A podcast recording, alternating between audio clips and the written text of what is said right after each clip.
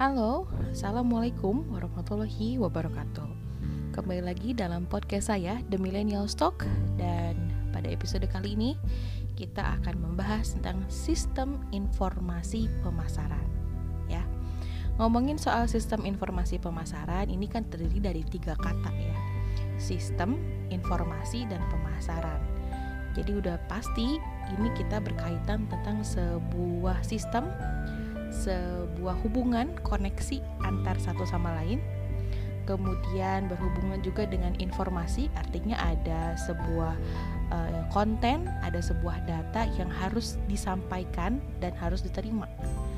Dan berhubungan dengan kegiatan pemasaran gitu.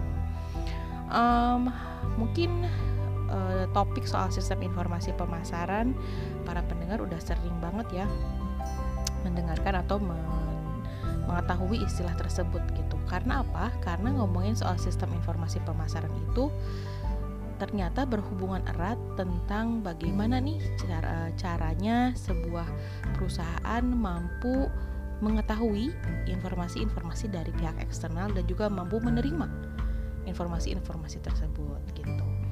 Kemudian pentingnya informasi pemasaran juga kita bisa memahami apa sih yang menjadi tren saat ini di pasar atau di market.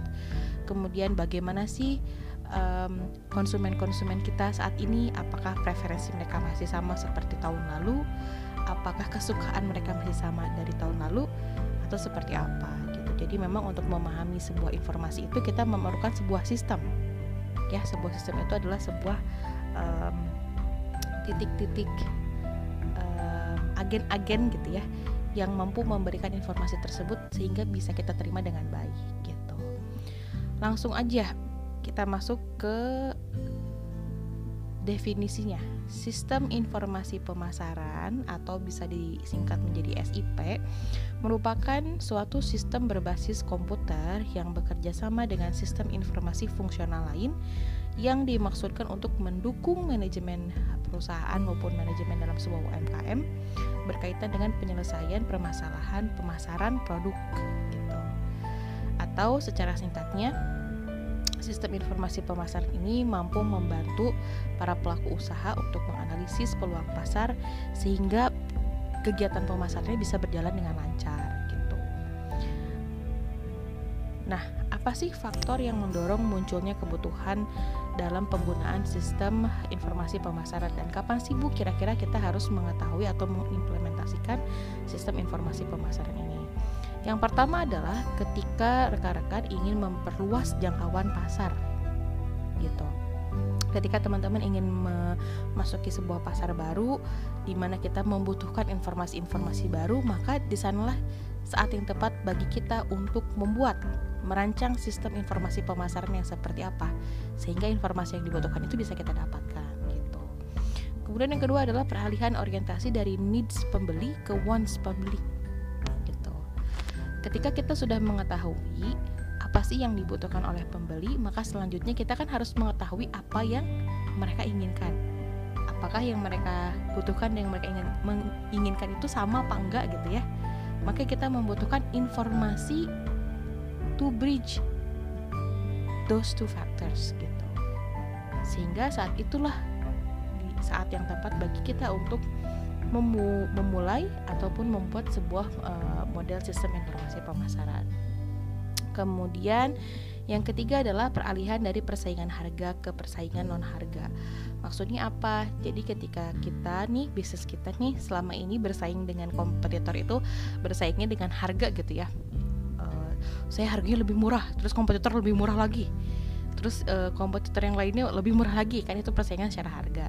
Nah ketika kita mau beralih nih sepertinya saya sudah uh, tidak mungkin untuk menurunkan lagi uh, harga jual maka teman-teman bisa beralih ke persaingan non harga. Seperti contohnya uh, ke persaingannya uh, tentang uh, brandingnya gitu ya citra produknya gitu ya atau yang lain-lain. Nah, saat itulah saat yang tepat bagi teman-teman untuk membuat model sistem informasi pemasaran yang seperti apa yang mampu membantu teman-teman untuk menginformasikan hal-hal atau value yang tadi ya, yang non harga tadi sehingga menjadi sebuah keunggulan bersaing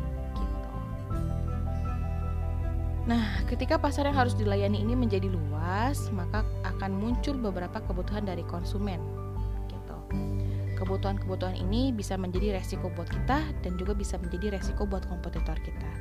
Sehingga memiliki sistem informasi pemasaran ini akan menjadi hal yang sangat penting. Karena sistem informasi pemasaran ini ternyata terdiri dari apa? Yang pertama dari manusia atau SDM-nya. Baik itu manusia uh, yang dimaksud dari manusia ini baik itu mereka yang bekerja di kita gitu ya di perusahaan kita atau di usaha kita maupun agen-agen um, nanti yang menjadi uh, reseller, dropshipper ataupun uh, marketers kita gitu. Kemudian sistem informasi pemasaran selanjutnya terdiri dari peralatan. Nah, maksudnya dari peralatan ini adalah medianya. Apakah itu menggunakan digital ataukah non digital? Jadi itu juga merupakan bagian dari sistem informasi pemasaran.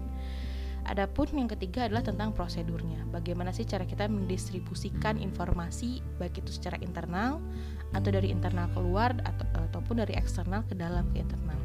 Itu juga merupakan bagian dari sebuah sistem informasi pemasaran. Bu, informasi yang seperti apa sih yang harus kita gunakan dalam membuat sebuah sistem informasi pemasaran yang optimal? Tentu saja informasi-informasi ini harus bersifat akurat, bukan hoax gitu ya. Dan eh, informasi-informasi uh, ini juga harus uh, bersumber dari um, sumber uh, informasi yang reliable gitu. Sehingga pada nantinya informasi yang kita dapatkan ini selain juga akurat juga mampu mem membantu kita untuk memutuskan keputusan-keputusan pemasaran yang tepat gitu ya. Jadi contohnya misalnya kayak gini teman-teman teman-teman ada dapat kabar nih yang lagi viral ngetren hari ini tuh misalkan tentang hari ayah contoh. Atau misalkan tentang hari Halloween nih kemarin ya karena bulan Oktober. Maka mungkin ketika teman-teman mau e, memutuskan untuk membuat sebuah kolaborasi Halloween gitu ya ber, berbasis atau bertemakan Halloween itu harus akurat dengan apa yang ada di tren di lapangan. Jangan sampai yang lagi ngetren di lapangan itu tentang Halloween tapi kita bikinnya tentang Valentine gitu kan itu kan gak nyambung gitu. Nah hal-hal seperti itu yang harus kita hindari. Jadi artinya informasi yang didapatkan melalui sistem informasi pemasaran ini harus bisa di cross check gitu ya oleh oleh marketersnya atau atau oleh pemasarnya nah um, Bu, selain kita mendapatkan informasi-informasi yang penting buat data internal gitu ya, apa sih Bu informasi apa lagi yang bisa kita dapatkan melalui sistem informasi pemasaran yang baik. Tentu aja kita juga mampu uh, menggunakan sistem informasi pemasaran ini untuk memasarkan produk-produk gitu ya. Kemudian juga kita uh, mampu menggunakan ini sebagai sebuah strategi dalam melakukan pemasaran gitu. Um, karena pada hakikatnya sistem informasi pemasaran ini juga tetap menggunakan pendekatan 4P yaitu produk, promotion, place dan juga price kayak gitu. Nah, um, ngomongin soal sistem informasi pemasaran ada beberapa ada empat komponen yang menjadi komponen utama dalam pembentukan sebuah model sistem informasi pemasaran. Yang pertama adalah sistem pencatatan internal, yang kedua adalah sistem intelijen pemasaran, yang ketiga adalah sistem penelitian pemasaran dan yang keempat adalah sistem uh, pendukung keputusan. Oke, yang pertama sistem pencatatan internal. Dari katanya ini sistem pencatatan internal. Artinya, kegiatan dalam sistem pencatatan internal ini berhubungan dengan penulisan pelaporan internal dan juga penulisan pencatatan-pencatatan pada perencanaan, keputusan, implementasi dan pengendalian tugas sehari-hari para marketers di dalam sebuah perusahaan atau sebuah bisnis gitu. Nah, informasi yang dicatat ini bisa berupa informasi mengenai hal-hal apa yang harus dilakukan ataupun hal-hal yang telah dievaluasi. Sehingga masalah-masalah di dalam komunikasi ataupun uh, information exchange ini bisa ketahui. Jadi memang um, pada akhirnya output dari uh, sistem pencatatan internal ini adalah untuk mendapatkan data hasil Selanjutnya, yang kedua adalah sistem intelijen pemasaran. Sistem intelijen pemasaran ini terdiri dari kumpulan prosedur dan sumber daya yang digunakan untuk mendapatkan informasi harian mengenai perkembangan lingkungan pemasaran. uh, menetapkan pengetahuan apa aja sih yang harus kita butuhkan itu merupakan hal-hal yang perlu dilakukan dalam sistem, sistem intelijen pemasaran ini. Kita juga harus mengumpulkan dengan uh, cara mencari uh, apa informasi-informasi secara eksternal dan juga menyampaikan informasi eksternal ini ke pada uh, manajemen internal gitu. Uh, jadi kurang lebih untuk sistem intelijen pemasaran ini kita bisa gunakan untuk mengetahui apa sih yang menjadi tren saat ini karena itu yang menjadi outputnya. Kayak gitu.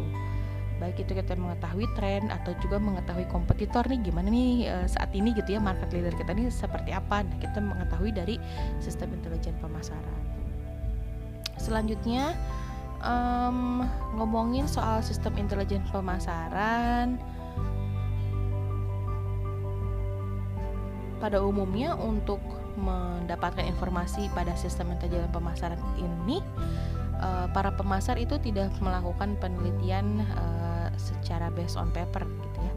Tapi biasanya uh, dilakukan dengan cara observasi gitu dengan cara pengamatan uh, contohnya saja ini contohnya saja ya kita uh, berpura-pura menjadi konsumen pada uh, pesaing kita gitu ya atau sebagai tanda kutip penyusup gitu untuk mengetahui ini kayak gimana sih konsumen uh, di di kompetitor kita ataupun kompetitor kita ini lagi lagi ngadain apa sih gitu ya dan juga untuk mengetahui tren pasar lainnya. Jadi kayak gitu cara-cara uh, untuk melakukan sistem intelijen pemasaran ini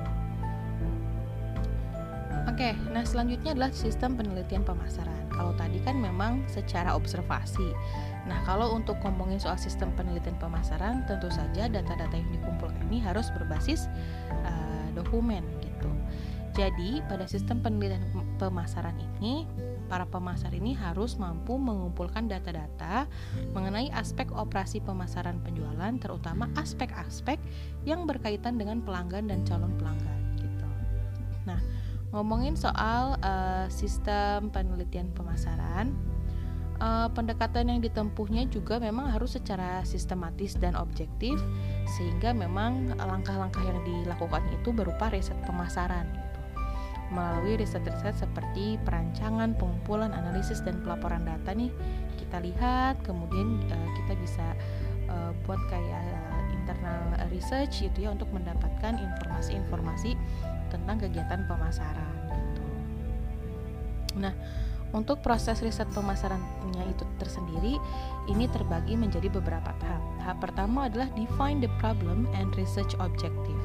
Maksudnya apa? Maksudnya kita harus mengetahui dulu apa sih yang menjadi permasalahan dalam uh, sebuah uh, kegiatan pemasaran gitu.